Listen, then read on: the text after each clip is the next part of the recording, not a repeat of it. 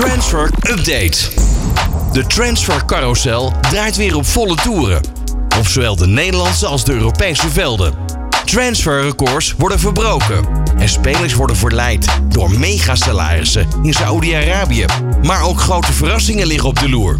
Blijf met All Sports Radio op de hoogte. Want deze transferwindow belooft een spannend schouwspel te worden. Transfer Update. Napoli maakt werk van de komst van Teun Koopmeijers. De Italiaanse kampioen zou inmiddels een bod ter waarde van 37 miljoen euro hebben uitgebracht op de middenvelder. Napoli houdt namelijk rekening met het vertrek van Piotr Zielinski, die al een persoonlijk akkoord heeft bereikt met Al Ali. Zijn werkgever is best bereid om mee te werken aan dat vertrek, maar dan moet er wel een vervanger worden binnengehaald. Koopmeiners van 25 jaar zou daarvoor de topkandidaat zijn. De grootste Premier League transfer ooit lijkt slechts een kwestie van tijd. De recordtransfer van Moises Caicedo naar Chelsea zit eraan te komen. Volgens Sky Sport heeft Brighton Hove Albion een akkoord bereikt met de Londenaren voor een afkoopsom van minstens 116 miljoen euro. En hij gaat een contract tekenen voor maar liefst 8 jaar. Brighton accepteerde eerder al een bod van Liverpool op de 21-jarige Caicedo ter waarde van bijna 130 miljoen euro. De middenvelder had echter al een persoonlijk akkoord bereikt met Chelsea en liet weten zich aan zijn woord te willen houden.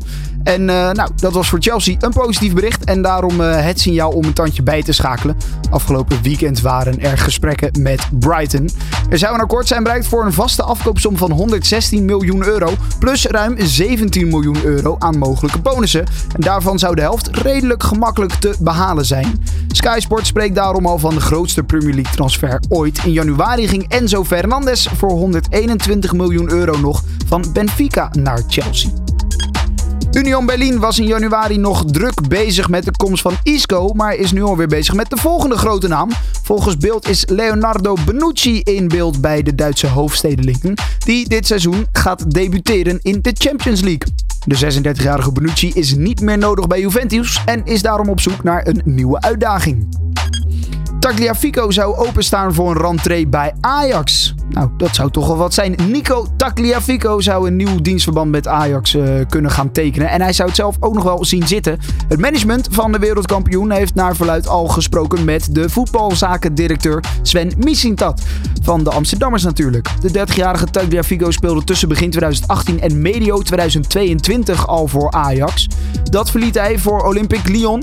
Bij de League 1 staat de linksback nog altijd onder contract. Links achterin heeft Ajax wel een groot probleem. Volgens Mauri Stijn is de puzzel daar nog te leggen. En ja, Nico Tagliafico zou daarvoor dus wel een uitkomst kunnen zijn. Real Madrid huurt dit seizoen Kepa Arrizabalaga van Chelsea. De Spaanse recordkampioen zocht een uh, ervaren keeper om de zwaar geblesseerde Thibaut Courtois te vervangen.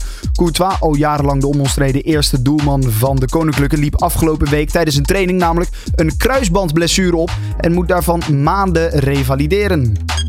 Neymar staat aan de vooravond van een nieuw avontuur bij Al Hilal. Paris Saint-Germain en Al Hilal hebben namelijk een akkoord bereikt over een transfersom van 90 miljoen euro. Dat melden bronnen aan ESPN. Bij PSG zat de 31-jarige Neymar afgelopen zaterdag niet eens bij de wedstrijdselectie toen ze het op moesten nemen tegen Laurent.